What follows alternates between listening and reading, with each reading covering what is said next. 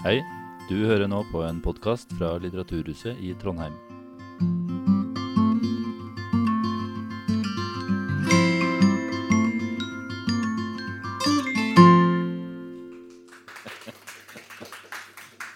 Yes, jeg tror vi skal klare å holde avstand her i kveld, i hvert fall. Men veldig fint at dere som er her, har kommet. Eh, hei og hjertelig velkommen til denne debatten på Litteraturhuset. Og endelig fysisk debatt igjen. Det er jo fryktelig artig at det faktisk kan komme folk hit. Navnet mitt er Jenny Westermlein. Jeg er journalist i Trønderavisa og skal lose oss gjennom denne samtalen. Nå I sommer så kom jo denne berømte FN-rapporten som mange sikkert har hørt om. og Den slår jo fast at det står ganske dårlig til med klimaet. Eh, mange som beskrev det som en varsla katastrofe, og konklusjonen er noe ganske klar. Det må gjøres noe grep her. Men sånn som vi har opplevd det, så har det vært steile fronter mellom eh, klimabevegelser og bøndene. Eh, debatten går høyt, spesielt på sosiale medier, og det til tross for at den norske bonden kanskje er den som merker klimaendringene aller først. Eh, I mange spørsmål så står jo miljøfolket og bøndene på hver sin side av den politiske debatten. Og noen ganger så kan det kjennes ut som at vi bruker veldig mye tid på å bare høre på hvem som roper høyest. Så hvorfor kan ikke de bare snakke i lag? Lurte vi på. Det er jo akkurat det dere er for uh, i dag. Uh, Petter Harald Kimo fra Bondelaget og Tommy Reinås, førstekandidat for MDG i Nord-Trøndelag valgkrets. Velkommen til dere. Takk skal du ha. Yes, Vi skal også bruke den neste timen på å få dere til å snakke i lag og bli litt venner. og håpe at det fungerer. Eh, vi kan starte med deg, Petter. Du, jo, du representerer jo Bondelaget her i dag. Mm. Eh, men du er jo bonde sjøl. Hvordan merker du klimaendringer i din hverdag? Eh, det merker jeg veldig godt, fordi vi har faktisk fått en lengre vekstsesong i Trøndelag vi hatt. Om, nå skal ikke jeg ta stilling til om det er en svingning eller ikke, men vi har jeg husker når jeg, Nå er jeg 52 år. Når jeg gikk på Skaudalen skole i Ressa, så var, har vi duna til å mokke utover snøskavlen før 17. mai. Og vi var nede med sjøen og henta bjørkris for å få grønn bjørkris å begynne med. Eh, nå er vi som regel godt i gang og kanskje ferdig med våronna. Rundt eh, 1. mai er vi i hvert fall i gang. Og, så, og, og til 17. mai så er det grønt. Eh, og sommer ser vi litt på høsten òg. Og så ser vi òg nedbørsmengdene er, er, mye kraftigere når de kommer. Eh, og vi kan òg oppleve Jeg driver gård attmed ei, ei lakseelv som ligger forbi. Og, og, den kan faktisk flomme over sommerstid. Det har ikke skjedd uh, før. Uh, så, så det, det er, om det ikke er vanlig, så har, skjer det oftere. Og så opplever vi nå uh, tørke, forsommertørke. Det er jo fremmedord i Trøndelag for 30 år siden. Det, det har blitt vanen. Så jeg har hørt med en bærdyrker på begynnelser. Han sa det samme han, når han starta som bonde på 80-tallet. Så, så, var det noe sånn vanning på forsommeren. Det var sånn som han gjorde på Østlandet. Men det har blitt vanen å ta de siste åtte-ti åra. Ja, Eller fem-seks åra. Mm. Eh, hva slags inntrykk har du av det forholdet som du og dine kolleger da, eh, har til klimabevegelser? Ja, altså, bønder Det er like stor forskjell på dem som det er andre folk. Så uh, hvis vi skal bruke sosiale medier som, eh, som uh, mal, uh, så er det store forskjeller. Men det er jo mye mer nyansert enn som så. og så er det ikke dem som nødvendigvis står høyest på haugen og kauker høyest, som, som, har rett, og som representerer næringa bestandig. men så er det jo nyanser. Som, eh, det, det, handler om, om, om, kunnskap om uh, faget, som vi òg må ha med inn i, i, i debatten. Og, og, vi må òg ha med bærekraft på lik linje som uh, klimaavtrykk. Mm.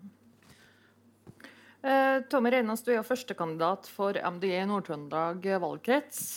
og Da MDG først dukka opp i norsk politikk, så virka det litt som et sånn ettsaksparti. Eh, nå har dere hatt noen år på å bygge opp litt ellers, fått litt annet rykte. Men eh, hvis vi skal tro meningsmålingene nå, så ligger dere an til å gjøre et veldig bra valg i stortingsvalget i år. Vil du si at MDG er et landbruksvennlig parti? Ja, Vi kan jo starte litt beskjedent og si at vi er nok det partiet som har den beste landbrukspolitikken, egentlig.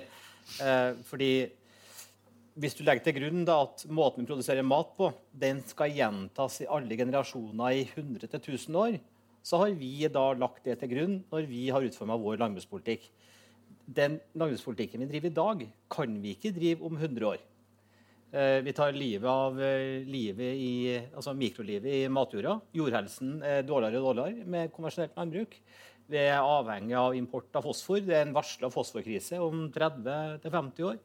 Eh, vi tar norske landbruket med sprøytemidler. er ikke akkurat vennlig med tanke på insektdøden. Og ja, Det er mange forbedringsområder. da. Så eh, Litt beskjedent så vil jeg si at eh, vi har den beste jordbrukspolitikken fordi vi kan gjenta det her i et evighetsperspektiv. Mm. Når du sier at man ikke kan drive på samme vis hele tida, hvem er det som endrer seg da? For det første, eh, du trenger ikke ha sånn, jeg skjønner det her er jo ikke raske ordskifter, så jeg kan ta det litt sakte eller rolig. Jeg kan puste. Eh, men hvis vi tar nå da en eh, neve med matjord i den nære matjord så er det mer mikroliv enn det er mennesker på jorda. Så hvis vi tar vare på mikrolivet, jordhelsa, så er det en superorganisme som produserer mat på en naturlig måte. Måten vi har drevet norsk landbrukspolitikk på med sentralisering og effektivisering de siste 50 år, med større og større maskiner, gjør at vi pakker matjorda. Det er ikke bra for jordhelsa. Kunstgjødsel og sprøytemidler er heller ikke bra. Eh, og Da må vi gjøre mer av det som er bra for å forbedre matjordas egen evne til å produsere mat. Uh, og da må Vi uh, vi har jo lagt fram et, sånn alternativt jordbruksoppgjør med 2,6 milliarder i ramme. Uh, Høyreregjeringa sitt uh, tilbud til bøndene var jo på 960 millioner. Og Bondelaget sitt krav var 2 milliarder. Vi har gått enda lenger enn det. Fordi det å stoppe effektivitets, effektivitetskravet Eh, og sentraliseringa, det koster. Vi er villige til å bruke de pengene på det her samfunnsoppdraget som det er å produsere mat. Eh, og det er jo et kinderegg, da. Fordi med en eh, øka sjølbergingsgrad, som vi er opptatt av I dag ligger vi på 36% selvbergingsgrad. Vi har vedtatt og går til valg på at vi ønsker da å gjøre det som trengs for å nå 60% selvberging mot 2030. Så koster det penger. I dag kan vi si at den måten vi driver landbruk på, er blitt mer sånn eh, eh, samlebåndsorientert. Eh, mer orientert i forhold til at alt skal lønne seg.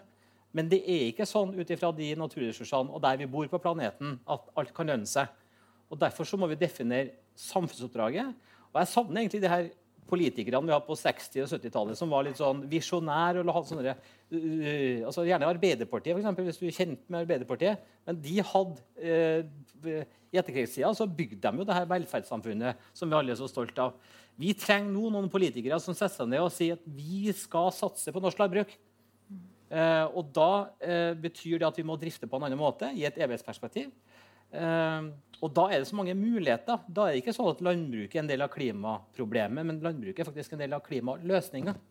I forhold til f.eks. karbonbinding i jord, matjord. Enormt spennende. Nå har jeg glemt spørsmålet, ditt. Konkrete ting. Hvem er det som endrer noen ting? Hvem er det som har ansvaret for å gjøre den endringa? Hvem er det som har ansvaret for å endre norsk landbruk? Mm. Det er politikerne. Mm. så det jeg opplever, da, det er at bondestanden er litt for lojal. Litt for lojal i forhold til alle jordbruksoppgjør som har vært i alle de år. Hvor man hele tida driver med sentraliseringspolitikk og effektivitetskrav. Man har lojalt slutta opp om eh, statens tilbud. Eh, altså Nå forenkler jeg. Veldig. Ja. Eh, men, men, jeg synes også, det er jo egentlig sånn at jeg mener at norske gårdbrukere har gjort det som, det som samfunnet har bestemt til enhver tid. Men det er noe med retninga på det veivalget som er gjort. som er I den tid vi lever nå, med klima- og naturkrise, så ser vi at det her er ikke framtida. Det her er ikke det som er bærekraftig, da, som vi er alle opptatt av. Så det å begynne å peke på aktører innenfor landbruk, det blir feil det er de etablerte styringspartiene som har sittet og styrt norsk landbrukspolitikk i, i, i, alle de år, som sitter på ansvaret. Hva tenker du om det, Petter? Ja, eh, kunne jeg ha brått inn en del underveis. Enig med deg. Samfunnsoppdraget til bøndene det er veldig viktig. Matsikkerhet, mattrygghet og, og beredskap. Det, det, er det som er jobben vår. Det er det som vi, vi skal gjøre. Um, og jeg er enig i at det er politikerne som styrer styret som, som, skal bestemme hvordan landbruket skal ha i framtida. Og bønder er veldig tilpasningsdyktige. Vi er nødt til å være det. Fordi at eh, Jeg skal ikke sitte her som en liten sutterkone, men økonomien i norsk landbruk er så anstrengt at vi er nødt til å forholde oss til gjeldende politikk. Vi kan ikke drive etter idealisme, for da klarer du ikke å leve over som bonde.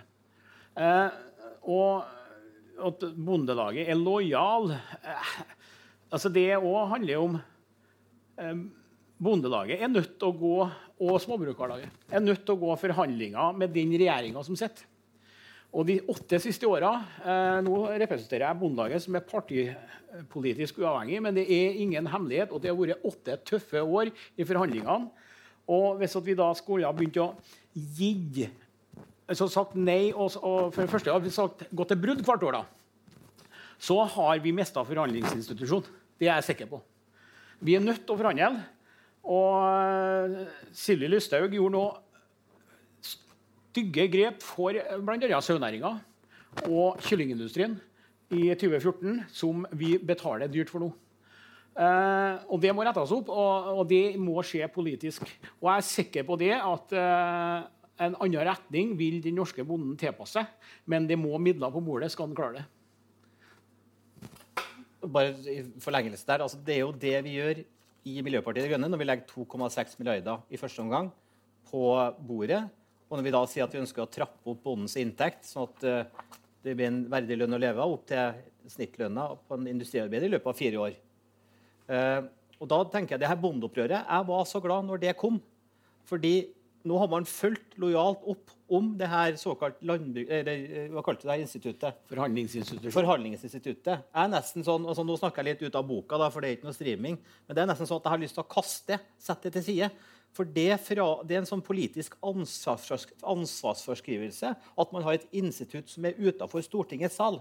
Altså norsk matpolitikk, norsk matpolitikk eh, og matproduksjon er et samfunnsoppdrag. Men så har man da via å være slutte lojalt opp, opp omkring det her instituttet, så blir det på en måte ikke politisert lenger. Men skal man begynne å ha lønnsforhandlingene til bøndene i Stortinget? Det, det jeg sier, det er det at det blir, det, enhver politiker eh, kan skjule seg bak at det er et institutt ved siden av utenfor Stortingets sal, i, i, synes jeg. Eh, og, det har, har vært feilslått. fordi Det ene er at instituttet har bidratt til altså Det ligger jo inn et effektivitetskrav på 2-3% årlig. Og Da trenger du ikke være økonom eller biolog eller si, hva som helst for å skjønne at det går på bekostning av noe. Altså Når mantra er volum, når mantra er prispressing, så går det på bekostning av noe. Vi vil påstå at det går på bekostning av dyrevelferd. Det går på bekostning av jordhelse. Det går også på bekostning av bondens helse. Det går på bekostning av hensynet til klima og naturmangfold. Og da er vi den tida vi lever i nå, så mener vi at det er viktig nå å begynne å definere hva ønsker vi med norsk landbruk. Hvor skal vi være hen om 10-20-30 år? Ehm, og derfor, det, vi har stor tro på at med et regjeringsskifte så skal det være, gående, skal det være mulig å få et, eh, en annen retning på norsk landbruk. Mm. Ja, eh, Forhandlingsinstituttet de er jo politisk styrt, absolutt. Og, og det blir jo vedtatt i Stortinget. Og, og, det er jo den politiske tyngden i Stortinget som bestemmer nivået på landbruksoppgjøret. Det, det, det, er jo udiskutabelt. Eh, og jeg er jo, jeg er jo glad å høre hva du sier og hva du ønsker med norsk landbruk. Og, og vi skal gjerne forhandle med dere hvis dere kommer i posisjon. Eh, og, men, eh, men nå rokker vi med den eh, modellen som eh, Gerhardsen-regjeringa innførte på 50-tallet. Den er jeg livredd å rokke på. Rokker vi fordi at eh, den er unik i verdenssammenheng. Andre land eh, er veldig avundsjuke på oss for at vi har den modellen. Og Vi kan bare se til Sverige, som er under EU, hvordan situasjonen er for den svenske bonden. Og ikke minst gå til Danmark og se på den gjeldsbelastninga de har i dansk landbruk. Eh, Gårdene går for, eh, på konkurssalg for 110-20-30 millioner. Det er jo en moderat dansk gård. Det, hvem er det som har råd til å kjøpe sånt? Jo, det er investorene. Matkjedene kjøper seg ned. og Du får sånn vertikal integrering inn i landbruket. Det er kjempefarlig. Så, så vi må blåholde på den modellen der. Og, men vi skal gjøre norsk landbruk mer bærekraftig. Og, og vi er godt i gang. Og nå er det egentlig Temaet det er jo klima. Og Der har jo landbruket gått foran de fleste industriene. Vi inngikk jo en avtale med regjeringa i 2019 om en uh, kutt på 5 millioner CO2-ekvalenter innen 2030. Og vi la fram en klimaplan i vår som ble eh, omtrent vedtatt som man lå inn i, eh, i klimaplanen fra eh, Landbrukets klimaplan den ble omtrent vedtatt som den ligger i, i hva heter for noe, klimameldinga som ble vedtatt i, i, Stortinget. Og Det går på karbonbinding i jord, men ja, fokuset ofte er dere kjenner lukta av frøen, eh, men det er kanskje bare 7% av utslippene våre. Der vi har størst potensial, og det jobber vi veldig med. Geno er i verdensklasse. Geno det er vår avls, uh, bøndenes egen avlsstasjon på um, norsk rødt fe. Der forskes det på, på metangassutslipp, rapen på kua. Og vi avler fram bedre Vi avler fram dyr som har utnyttet fôret bedre, så vi får mer igjen i form av kjøtt og melk. Og så, sånn at landbruket er klar, men vi trenger midler for å gjennomføre det. Ja, nei, for jeg, altså Det er jo sammensatt, det her. da. Det, det, det, og og det, er klart, altså det er jo så mye vi ønsker vi da med norsk landbruk.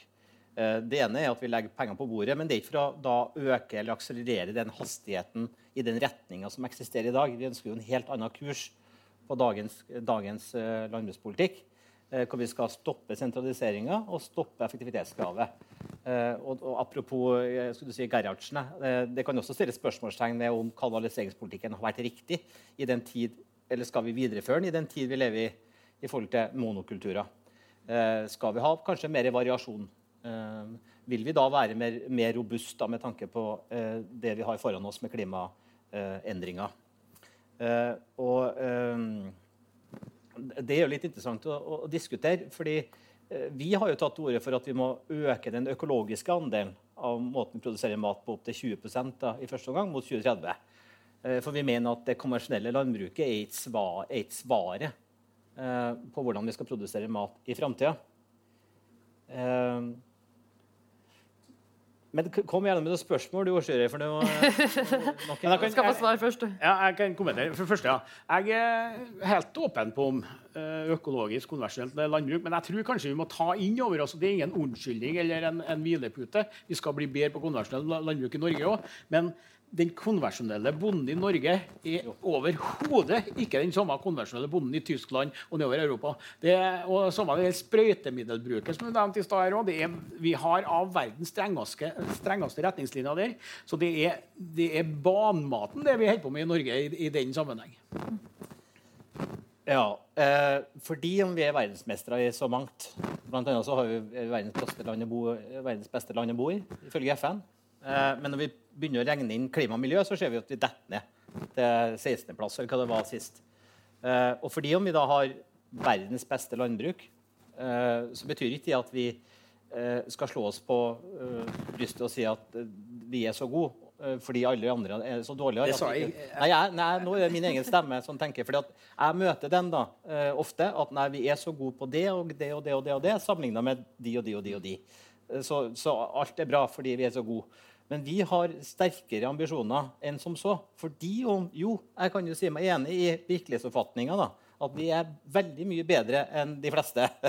Men likevel så ser vi jo det at eh, det å ha et landbruk altså Du snakker bl.a. om eh, det her med eh, avling. Det er jo da ut ifra en tankegang at vi skal ha mer volum. Nei. Ikke? Altså, i klimasammenheng så er jo klart det hvis at du eh, klarer å effektivisere dyret mer Det, høres, det, det, det er ikke noe galt med dyret, det, også, det høres helt, men uh, si det da at uh, bonden som har 40 melkekyr, kan produsere samme mengde kjøtt og melk på 30 melkekyr. Det vil gi en vesentlig reduksjon i klimaavtrykket. Fordi vi skal bli bedre til å produsere fôret kua spiser.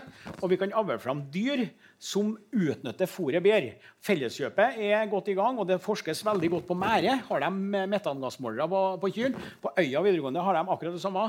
Dere der er viktige faktorer for at vi kan fortsatt altså Ingen som går rundt og har dårlig samvittighet for å spise norsk kjøtt. Har, hvis du tar kjøtt fra norske kombikua, altså ei kombiku, det er ei ku som yter både melk og kjøtt. Det er den norske rødt, norsk rødt fe til rasen. Den, den på 70-tallet var det noen karer som satt i, i Geno og bestemte seg hva skal vi satse på i avlsprogrammet vårt? Jo, så var det skal vi satse på ei ku som yter mye. Eller skal vi satse på ei ku som gir mye kjøtt? De bestemte seg for å satse på helse. Og det har vi kjent på grovt fordi vi har friske dyr, og friske dyr har et vesentlig lavere klimaavtrykk enn andre dyr. Så nå jobber jeg meg helt ut på sida her, men, Ja, men det, men det er bra, det, for det har jeg hørt. For nå er dere jo på en måte inne på et av det som kanskje er de store stridsspørsmålene, nettopp dette med kjøttproduksjon. ja. Og hvordan skal man klare å bli enig der? Det har jeg lurt litt på. Jo, men jeg tror ikke at vi er så veldig uenige. For at altså, jeg respekterer en vege, vegetarianer eller veganer. De må jo få lov til å, å ete den maten. Vi, vi bønder skal produsere mat, til dem òg. Men vi skal ikke ha dårlig samvittighet for å spise norsk kjøtt. For det har noe med kan du sa, Sauen, som er per isolert sett da, gir det største klimaavtrykket per kilo kjøtt vi produserer, de bidrar veldig positivt mot gjengroing. Og gjengroing, det vet vi, er De åpner slettene det holder middeltemperaturen ned. Det, det, er, det, det er tiltak mot global oppvarming. Altså, eh, Albedoeffekten tror jeg er det fine ordet på det. Ja. Og hvis vi da slutter å spise sau, da, eller lam, for å si det sånn, da, så gror Norge igjen. Da får vi mer lauvskog, som binder mindre CO2 enn f.eks. grana. Og da får vi totalt sett et større, mindre binding, i hvert fall. da. Uh, og det er, og jeg leste en forskningsrapport fra New Zealand. Nå har de lengre beitesesong der. da. Uh, og, og de påstår da at sauen går i pluss klimamessig pga. den effekten. Og det leste jeg samme nå er målet på forskninga på Mære, at kua, da, som de, eh, skal, vi skal gjøre bedre i lag med et samarbeid med Felleskjøpet, at kraftfôret skal bli mer eh, tilpassa kuas eh, vomsystem at den kan bli klimanøytral i seg sjøl, fordi at den beiter. og Beiting gjør så du får bedre røtter i gresset i, i bakken, og du får karbonbinding i, i beitinga. Så, og grasproduksjon, som jeg må fokusere på eh, Ofte jeg ser debatter på i sosiale medier eller TV så snakker vi om at vi må få dyra mer ut på beite. Ja, det skal vi gjøre, vi skal utnytte men vi har kanskje fire måneder i Trøndelag som er effektiv beiting. Resten av tida må kua mi stå på fjøset. Og da må jeg fokusere på å få en god grasavling. Som bind, den binder karbon, den også. Den får et pluss i mitt karbonregnskap. Eh, Vi bønder har satt i gang, Bondelaget har fått i gang noe som heter klimakalkulatoren. Den har jeg begynt å få i gang på gården min. Veldig spennende. Det tar flere år å bygge opp den, for du må bruke data fra tidligere år for å få sammenligninger. Og, og det du ser, da, det er at, eh, at hvor flinkere du er til å lage god gras. Alle alle tenker på at bonden må forte seg ut og trøske når kornet er modent, men det er like viktig når gresset står grønt. og ferdigskutt Timotei. Da, må du være, da er du timer på deg for å høste det før at det taper stor fòrverdi osv. Så, og så, videre. så Så det er veldig spennende. Så vi har mye å gå på, og vi skal bli enda bedre, men vi har en veldig god plan for å få det til. Ja. Uh, mister nesten litt tråden, men uh, altså, vi har jo bildene av sau på det her, vårt alternative jordbruksoppgjør. Vi har jo ikke tatt til orde for at vi skal slutte å spise kjøtt. Vi har sagt at vi skal redusere vårt kjøttforbruk, og at vi skal ha en bedre dyrevelferd. Især i en del industrier som griseindustri og kyllingindustri. Uh, og i forhold til utmarksbeite, Vi har jo lagt inn ikke bare i det her alternative jordbruksoppgjøret, men i alle de vi har lagt fram tror jeg, siden vi kom på Stortinget i 2013, 50 000 ekstra i utmarksstøtte. Så vi ønsker jo å stimulere til utmark. Det er jo bra. Og vi er jo klar over at hvis vi klarer å holde norsk kulturlandskap i hevd, så er det veldig bra for det biologiske mangfoldet. Fordi én av tre rødlistearter lever i kulturlandskapet. Så det er særdeles viktig at ikke Norge gror igjen. Eh, og, men så er det jo litt sånn at hvis vi tar perspektivet 50 år da, For 50 år siden så har vi 100 000 flere gårdbruk i Norge. Nå har vi en 38 000, hvorav 4500 er heltidsbønder. Eh, det har jo gått ned uansett hvem som har sittet og styrt. Vi må stoppe den, den utviklinga, fordi det å hele tida få større bruk, større volum, er ikke bra for dyrevelferden, det er ikke bra for jordhelsa, det er ikke bra for bondens helse, eh, og det er ikke bra for klima og miljø. Så vi ønsker jo da heller å ha 6000 flere årsverk i norsk landbruk neste ti år enn det som er lagt opp til nå, hvor det fortsatt legges ned to gårdsbruk hver dag. Og Det er jo derfor jeg sier det her med ny kurs, at vi må stoppe denne sentraliseringa og det her effektivitetskravet. Og definere hva vil vi med norsk landbruk.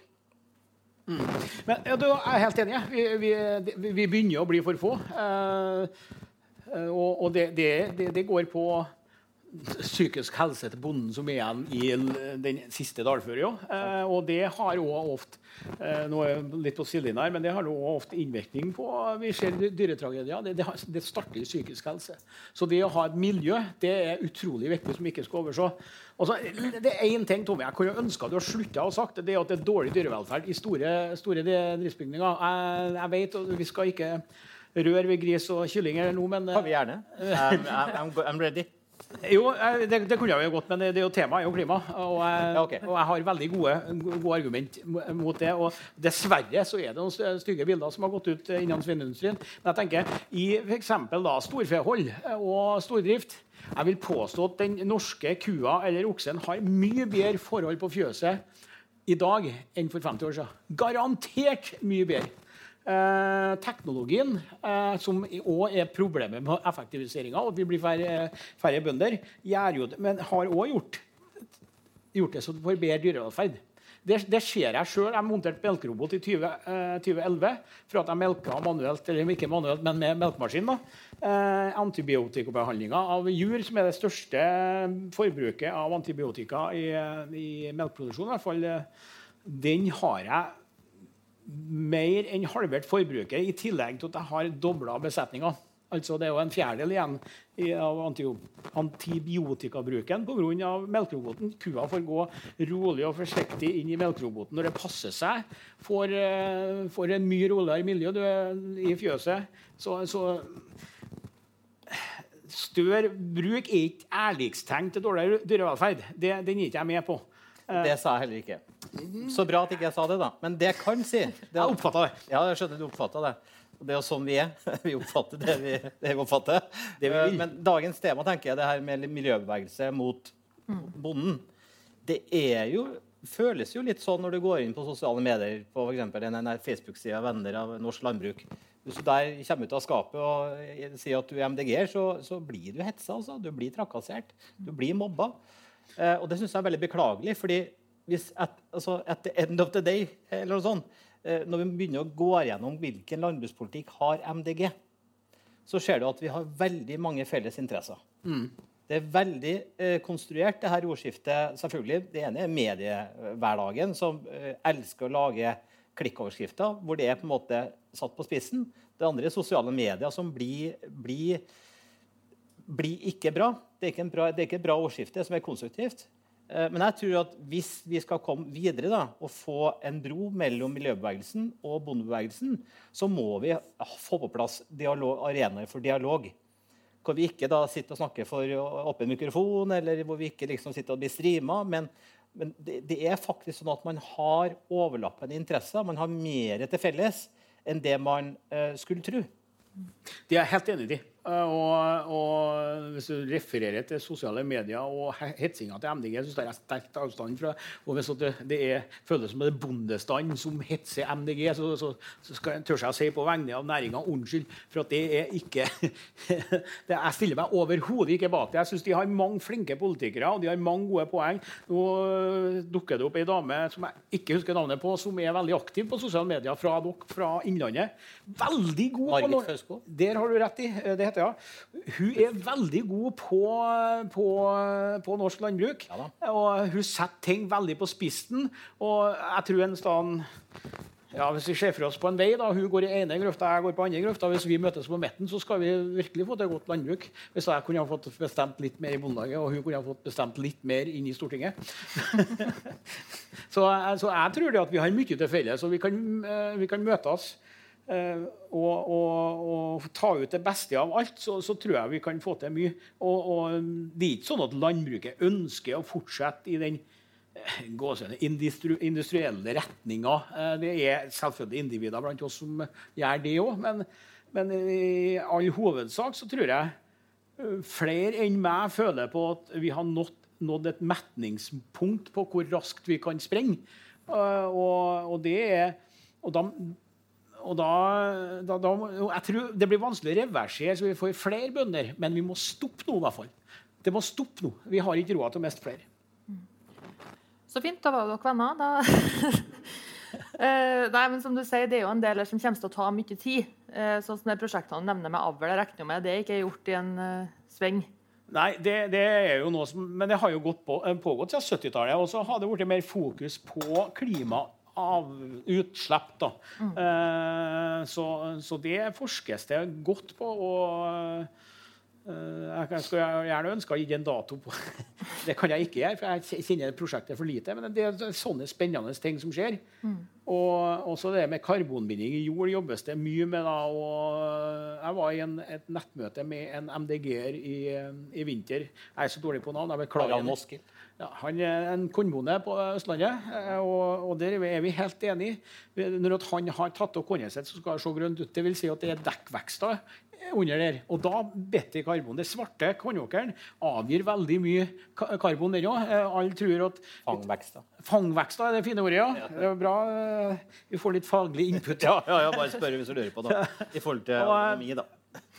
Og, det, og det, det, det, er lett for den vanlige mann i gata å tro at det er kua som raper og fis som kan få utslippene, men faktisk så er hvis du sier at eh, landbruket står for 8% av de totale utslippene i Norge så er det halve er, er faktisk eh, lystgass og, og karbonslipp fra, fra planteproduksjon.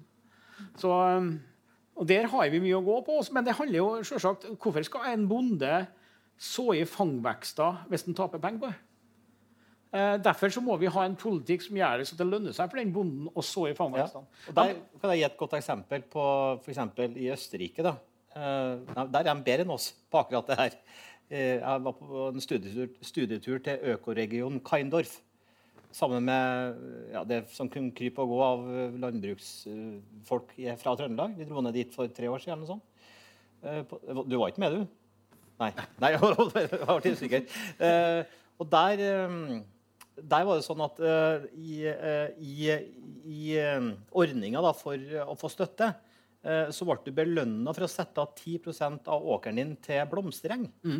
Eh, for å tilby den økosystemtjenesten da, eh, til, til insektlivet.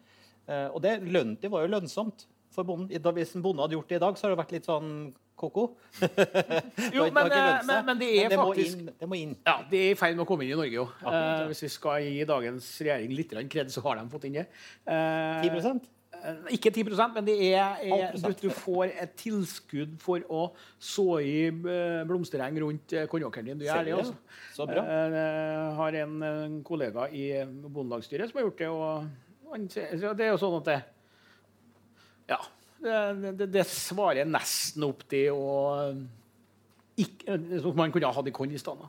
Så, så, det skjer der. Og så har det òg skjedd det på kantkløpping i veikanten. Der er de flinkere nå til å vente. Eh, vi bønder er ikke glad i det, for da får løvtann i enga vår. For men eh, de venter til blomstringa er over for at de eh, tar slåtten, eller kantslåtten de får med maskinene sine, Vegvesenet og sånt. Eller mesta. Så, så, det er ting som skjer her òg, og vi kan bli enda bedre. Men det må lønne seg. Vi har ikke råd til å bidra av idealisme.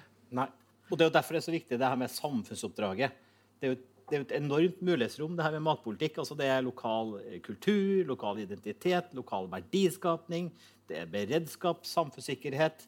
Det er, det er eh, altså reiseliv det er, det er, på en måte et kinderegg, og det er planken i norsk distriktspolitikk. Mm. Eh, og det, det, er jo den planken vi da holder på å forvitre. Eh, akkurat det, den, den, grunnplattformen da, for norsk distriktspolitikk. Eh, men, men, nå, er, har vi, nå i, den, i, den, tid vi lever i, med naturkrise og klimakrise, så er det nå anledninger til å si at det her er så viktig. Det her er en del av løsninga. Eh, økt selvbergingsgrad, eh, mer biodynamisk eller regenerativt. Det har jo mange navn, det her. Som gjør at vi da har mulighet til å få, få, få landbruket på rett, på, rett, i riktig retning. Mm. Nå har jo Et stort tema i valgkampen her har jo vært nettopp olje, da, f.eks. Um, ja. og Der er jo MDG det eneste partiet vel som har satt en sluttdato. Du kan si to ting om det. Det ene er jo det at når FNs generalsekretær sier at det er koder rød for menneskeheten, så er det ikke fordi den er egentlig MDG-er.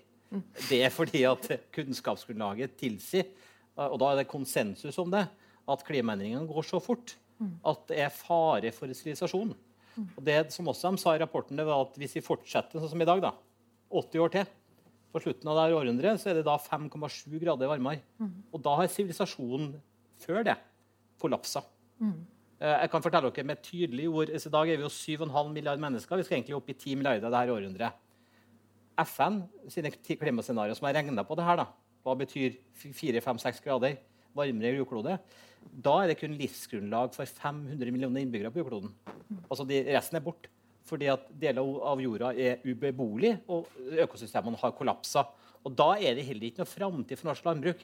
Så egentlig så kunne vi ha starta der at når vi tar til orde for å stoppe å lete etter olje, så er det for at vi også skal ha en utmarksnæring i Norge om 80 år. Fordi hvis verden fortsetter det fossile eh, stu, eh, si, løpet mot stupet, så er det ingen framtid å glede seg til. altså. Og det er jo ikke MDG som har funnet på det her. Altså Nå kom jo IEA, det her internasjonale energibyrået, sa at det er ikke rom for å lete etter mer ny olje om verden skal nå sine klimamål, og også Norge sine. Så det man, det man egentlig sier da, når man Jeg vil snu på det. Vi har et ultimatum i forhold til et nei til mer oljeleting. Egentlig så kan vi snu på det, så kan vi si at styringspartiene har satt ultimatum at de skal lete etter olje whatever. Couldn't care less. Bare, la, la, oss, la oss bare kjøre på med det som vi vet koker kloden. Og Det er jo egentlig de som setter et ultimatum at de ikke ønsker å lytte til FN, ikke ønsker å lytte til vitenskapen, ikke ønsker å lytte til, til, til kunnskap eller Det internasjonale energibyrået. Det er en form for fornektelse. Men hvordan klarer man å se for seg at dette her fungerer med tanke på landbruket? da? Klarer man nå i dag å se for seg et fossilfritt landbruk?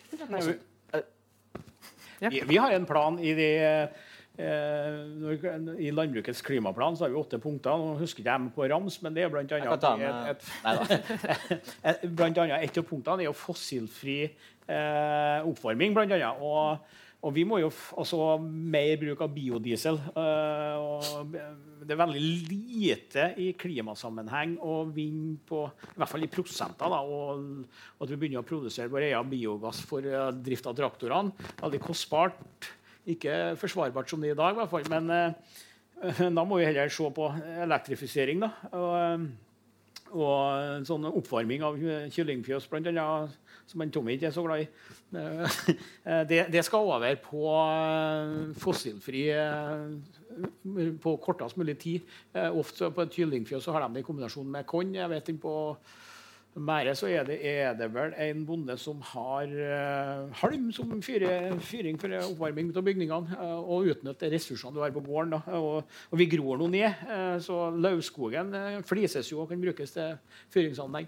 Og så, traktorene er jo ja, skal vi bruke biodiesel, men så er det jo det at jeg syns teknologi er interessant.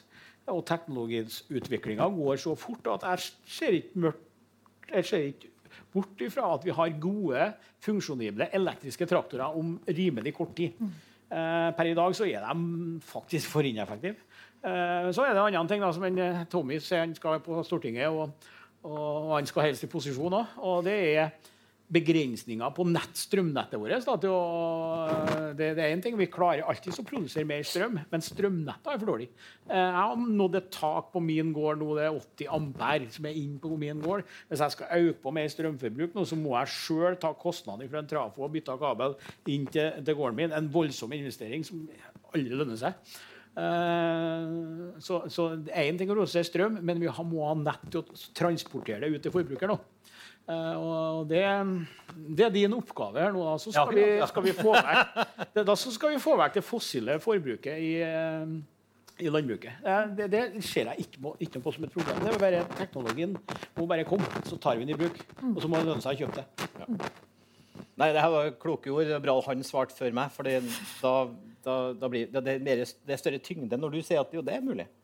Uh, uh, og da bruk, Jeg bruker jo å si at eh, steinalderen tok jo ikke slutt fordi at vi gikk tom for stein. For at eh, vi fant smartere måter å gjøre ting på.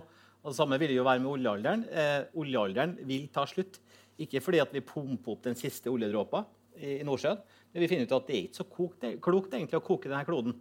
Denne, eh, det her klimaet som vi alle er avhengig av, er noenlunde, noenlunde stabilt innenfor den varme ja, innenfor, innenfor, innenfor eh, maksimum to grader oppvarming. Eh, og så tenker jeg også i forhold til eh, den teknologiske utviklinga Jeg ser veldig lys på det. altså Nå snakker vi videre om å ha eh, elfly på kortbanenettet allerede i 2026. Og når du har elfly, så tenker jeg du, det er ikke noe problem heller med eltraktor. Eh, og de her flaskehalsene du tenker på jeg tenker jo, Det ene er det der ordinære måten å produsere strøm på. At du har et kraftverk, og så må du ha infrastruktur og en trafo. Og for å liksom, det er liksom ko- kortreist strøm. da. Eh, Men jeg tror nok at i større grad fremover så eh, vil det dukke opp muligheter for mer kortreist energi. Ja. Altså, eh, veldig mye av strømmen vår går jo til å varme opp huset og fjøset, eh, kan jeg si. Det rimer jo nesten.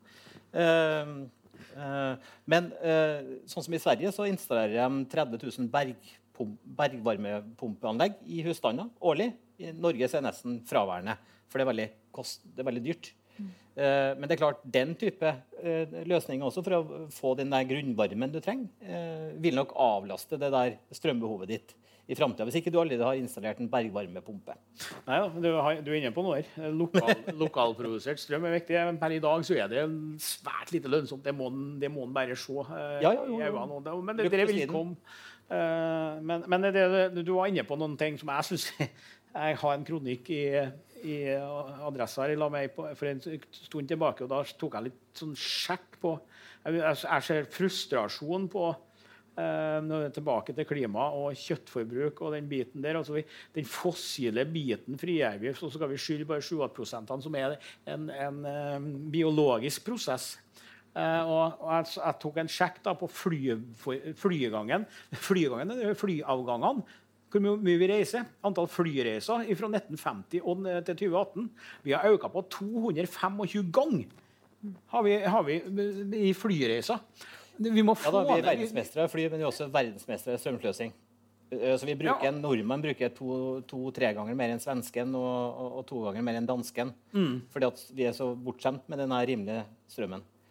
Eh, Så vi er ikke vant til å bruke enøk eller andre energibærere. Eh, Men hva skulle du si? Ja, nei, det var akkurat det at vi Jeg ønsker ikke at vi skal senke levestandarden, men vi må begynne å se på hvordan vi le lever også, for det skal vi leve over. det. For vi er nødt til å produsere mer mat i framtida. Og, og vi er nødt til å produsere kjøtt som en del av kostholdet til folk. Og, og kan godt redusere det i Norge, eh, hvis vi tar det på den importerte biten. For den jo et, har jo et vesentlig større klimaavtrykk enn det norskproduserte kjøttet. Eh, og, og, klarer vi det, så, så må vi vi må Ja, hva jeg sa vi må Nå vi, Jeg kan ta over litt, vi da. snakker så mye, vet du. Ja, ja, ja, men jeg kan ta over litt, da, fordi at, eh, ja, vi skal fortsatt leve av mat. Ja, vi skal leve av, leve av mat. Og så kan jeg bare si noe? Ja, vær så god. Eller? Skal, du- ja. Jeg har, det egentlig klart. Du har det nå? Okay. Og, det er, og det at vi må få de, de biologiske prosessene Vi må utnytte gresset, og vi må utnytte utmarka. Så må vi ha beitedyr. Og vi, vi må være klar over at det er en del dyr. Og så må vi òg være klar over det at per dag i Norge så er eh, vi har 3% av landet vårt er dyrka jord. Eh, og 1% av det er faktisk per i dag egna for direkte matproduksjon til det, norske folket. Eh, og Selvsagt så kan vi marginalt få litt mer gulrot og potet og kål ut i distriktene, og det skal vi utnytte. og Det jobber Bondelaget med òg. Men, men vi må vi må huske på vi skal øke på vi er med 60 av- i matproduksjonen innen eh, 2050. Det er vi nødt til å gjøre. Og vi er nødt, nødt, til, å, vi er nødt til å gjøre det i hvert land. Vi kan ikke komme med et fat olje på under hendene og kjøpe maten unna dem som svelger. Så, så, så vi må passe på så vi ikke gjør grep her som kutter ut viktig produksjon. For at vi skal faktisk klare å forsyne folket med mat. Mye å kommentere. Jeg vet ikke hvor lang tid vi har igjen. Men uh... Dere har litt tid ennå, så det går nå fint. ja.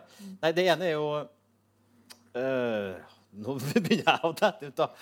Hør hva jeg skulle starte hen. Uh, nei, nå datt jeg ut helt. Jeg satt og venta på det. Uh, skal det, vet du. Du, du nevnte uh, Hva var det du nevnte, da? Jo, f.eks. jordvern. Det skulle jeg notert. Ja. Jordvern. Uh, vi har jo en jordvernpolitikk hvor vi sier at vi skal verne matjorda.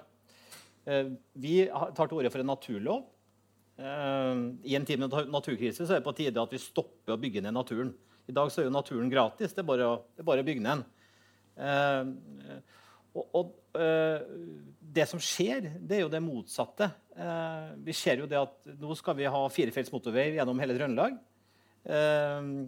Og, og det tar mye matjord. Bare på Innherred, hvor når den matjorda med best bonitet eller hva det heter, blir tatt, det er 1500 dekar. Det er enorme mengder. Eh, og det er galskap i en tid med klimakrise og naturkrise at vi liksom agerer som om det er en slags motorveikrise. Eh, det er det ikke. Eh, og nå har jeg hørt i, alle fall i ti år at vi har 3% matjord i Norge. Men det kan ikke stemme lenger. fordi at nå har jo da regjeringa et såkalt jordvernmål på 4000 dekar skal vi bare bygge ned årlig. Og så er man kjempehappy om man er i nærheten der. Men vi skulle jo egentlig, ettersom matjorda er ikke-fornybar og er en såpass viktig ressurs, så skulle vi ha sagt at matjorda vernes. Vi skal ikke bygge ned matjord, og vi skal ikke ha et jordvernmål. fordi hva skjer da hvis du når det målet? Eller la oss si du dobler det. Det skjer ingenting. Absolutt ingenting. Så vi skulle hatt et jordverntak. Men til og med Senterpartiet snakker om et jordvernmål da, på 2000 dekar. Hva skjer hvis du, hvis, du, hvis du, bryter det? da? Det skjer jo ingenting. Så matjorda i et evighetsperspektiv eller 100-årsperspektiv så skulle vi ha sagt at nå har vi bygd ned nok matjord. For det er en veldig knapp ressurs. Mm. Uh, jeg vil ikke tro at vi ligger på 3% fortsatt av Norges areal på, fordi vi har bygd ned så mye matjord de siste ti år. Mm. Um, det ble dyrka en del også. At det, så det, jeg så en statistikk før jeg kom hit, men jeg husker ikke detaljene. Men, men, det er selvsagt dyrka mindre enn hvor det er bygd ned. Ja, men, men, det er jo som en kompensasjon for det. Og og du, jeg, jeg, skal ikke bevege meg ut på partipolitikk, her, her sitter jeg som bondelagsrepresentant, men den der firefelts motorveien gjennom Trøndelag det, det, er, det, er, ran mot en uh, midtnorsk matproduksjon. Enda må vært til felles. Så, uh, jeg, jeg, skal klare å kjøre 90 gjennom Trøndelag. Jeg trenger ikke å kjøre 110. Men det er tøft, da. men, men det er det, det, det, er jeg enig i også, men det er min personlige jo, mening. Som... En ting til jeg husker som jeg skulle ha notert, da, det var jo, det, Du snakka om det her med at vi gjør det på en så klimavennlig måte. Mm. Jeg tror at i det regnestykket så glemmer man den soyabaserte importen vi har. Eh, og, og det naturtapet som det forårsaker dag for dag, år for år. Mm. Og ikke minst klimakostnaden det har. Eh, så vi eh, ønsker å ta til orde for en norsk, mat, norsk sjø, altså Når vi nå skal da bygge videre og forbedre norsk eh, landbruk, få det mer klimasmart og mer natursmart, så ønsker vi også å gjøre oss mindre avhengig av importert råvare, soyabasert fôr. Det er vi helt nødt til. Ja. Der er vi òg enige. Du fant jo enda et punkt. Eh, og Der er et vedtak i, eh, i næringspolitisk program i Trøndelag, ikke i Trøndelag Bondelag, men i Norges Bondelag. det er litt dårlig vedtak, så det tror jeg blir omkamp på. Eh, det ble litt sånn fram og tilbake. og Det er noe sånn cirka at vi skal slutt, kutte ut eh, soya fra regnskog, eh, land med regnskog. Eh, og regnskog er det jo i Norge også. så ja, Den boreale regnskogen. Ja, så, men, men, det er et steg i rett retning. Og, og soyabruken den må bort. Den er ikke bærekraftig. Eh, men, men, så er det jo det at bare, altså, Du arresterte meg i stad på det at an, andre er så mye dårligere enn meg. Så, men, men, jeg må få lov til å si en, da. For å pro, produsere én liter melk så bruker vi 35 gram soya eh, i Norge. Resten er, er norsk, altså en norsk melku Hun har i snitt 85 eh, norsk andel i fôret sitt. Det meste er grovfôr, og så har jeg litt kraftfôr, og det er korn som ikke er bra nok til menneskeføde. stort sett. Og så må vi bruke litt soya for å kompensere for eh, proteininnholdet. Eh, vi skal gjerne funnet erstatteren der. I en, en kilo oppdrettslaks bruker vi 300, 350 gram per kilo oppdrettslaks. Så jeg tror vi skal kjøre ut på Hitra i lag. Nå spiser jeg ikke oppdrettslaks. Nei, men da kjører vi ut og så tar vi oss en prat med Midtsjø før at vi tar det på, uh, tar det på melkeproduksjon. Men, men vi, vi gjør grep. Og vi hadde jo beinmelproduksjon uh, i, i sin tid her som vi brukte opp. Uh, altså beinskrottene fra kjøttet. Det ble, det ble koka eller behandla, og, og det ble brukt i kraftfôr. Det ble forbudt pga. Eh, sykdom og etikk. Da. Eh, det er når vi har bedre teknologi på nå, som vi kan ta i bruk. Så kan vi òg produsere eh, andre kornsorter, sånn at vi ikke trenger så mye protein i kraftfôret. Som f.eks. bare det så enkelt som å begynne å så mer haver i stedet for bygg. Som, det, det, vil hjelpe voldsomt på det. Men så er det den faglige biten som dukker opp i, i det politiske, som er at vi vil bremse for at vi må ha erstatninger før vi kan kutte ut. Eh, det, det, tror jeg er viktig. Vi må få en, en, overgang her, sånn at vi rekker å få forskning og, og, og, og midler til å få til det. Det er mye spennende som skjer i skogen. Og i havet. Eh, på Mære, Her nevner jeg Mære hele tida, men eh, det er en veldig god skole. Og, Ja, ja, ja. det, er, mye forskningsmiljø. Der holdt de på å forske med tang nå, eh, for å ta ut proteinet der. Men kanskje at vi skal la oppdrettslaksen for å ta seg av tangen, så fer vi bønder i skogen og finner proteinene våre. Men det var noe med at de blanda tang og tare til kuas fôr, så det, ble det mindre metan. Ja, og, og så, Det kan jo erstatte proteinet. Det, det er en sammensatt eh, sak der. og det, Ja det blir jo mye mer bærekraftig med en gang. og Det, har det, det, der jobber vi for, og det, det, er, det er vårt mål òg. Ja, vi har jo et prosjekt ved Norske Skog, eh, selskap som heter Ocean Geoloop, eh, som skal plante tunikata ute i sjøbassenget. Skal de fange karbon fra Norske Skog sitt eh, anlegg, og så gjenbruke en del av spillvarmen fra anlegget, eh, og dyrke tunikata. Tunikata er et liten sånn ja, et lite en, en liten sak. Eh, og, og når du presser ut vannet av den, så er det type 60% ren protein. Det er fullverdig til å erstatte soya. Og der kan vi da egentlig ha et slags trøndersk eller norsk industrieventyr i forhold til å produsere eh, norsk fôr til norsk landbruk og havbruk. Yes, Dette begynner jo nesten å bli direkte rørende. Eh, Jeg tenkte vi skulle sjekke om det var noen spørsmål fra salen før vi begynner å runde av. Ja. Jeg tror vi bare tar det litt uten mikrofon, så får folk bare snakke litt høyt når vi er så få her. snakker. Det, snakker om at, eh, begge to snakker om at vi skal ha mer selvforsyning i Norge, og vi må øke matproduksjonen. Og vi har også bare et begrensa antall prosent matjord. Hvordan skal vi få økt eh, norsk matproduksjon uten å øke sentralisering, eh, industrialisering, effektivisering? Ja. Eh, en klok mann sa til meg at uh, hvis jeg hadde vært uh, landbruksminister, eller han brukte ordet landbruksdiktator i Norge, så ville jeg kjøpt inn Nofence, og så ville jeg sluppet ut i større grad kjøttfe ut i norsk utmark og skog. Det er en dyktig arbeider skulle du si, til å drive med Han til og med sa ung skogpleie. Men, men Norge skal ikke gro ned. Det er ikke bra for det biologiske mangfoldet. Så med den teknologiske løsningen så tror jeg nok at du har et uutnytta potensial der. Og så vil jeg også ha redusert i områder hvor det er spesielt mye rovdyrkonflikt. Så ville eh, det kanskje, kanskje ikke vært så interessant for ulven å gått løs på en, eh, på en angus eller en limousin. Um, Han gjør det, ja, jo, jo, jo, men det, det er noe med Men eh, nå- eh, spørsmålet ditt var hvordan skal du klare å øke norsk sjøbengingsgrad eh, uten at det eh, skal eh, gjøre at vi øker sentraliseringa og øker effektivitetskravet. Jo, det skal du klare først og fremst ved at du har politikere som bestemmer seg for at det, vi har et samfunnsoppdrag og vi skal satse mer på norsk landbruk i hele landet. Det betyr fra, fra, fra vår side at du skal ha mer små og mellomstore bruk. Eh, vi tror at det er bedre for det sirkulære. Eh, at, eh, at det ikke er så langt eh, til, til, ja, mellom enhetene i forhold til å drifte smart. Og det betyr at vi skal ha flere hender i norsk landbruk, men vi skal produsere mer variert. Det var jo ikke sånn at For 70 år siden at vi spiste mer kjøtt. Men vi hadde faktisk 100 000 flere bønder i Norge for 50 år siden. Så det betyr at vi da skal produsere mer variert, litt mindre monokultur. Også, vi tror at det er bra for kornbonden at den også har noe annet enn korn på åkeren. Um, og med en større variasjon eh, innenfor norsk eh, landbruk og bruk de ressursene vi har, så har vi mulighet til å øke sjøbergingsgraden. Også med at vi da har mulighet til å produsere eh, og bruke eh, Og må være basert på lokale ressurser. Altså det sirkulære. Um, men det er egentlig et ganske omfattende spørsmål. Men det er fullt mulig. Det vil vi påstå. Det var verst av alt. Jeg ble jo enig igjen. Men, nei, men det, det, det der er mulig. Og, og det går på eh, Jeg, jeg tenkte å si det i stad, og, og du snakker om at vi skal ha mindre monokulturer og mer vekstskifte, som vi kaller det på, Ja. på bondsk. Eh, og der kan vi hente mye.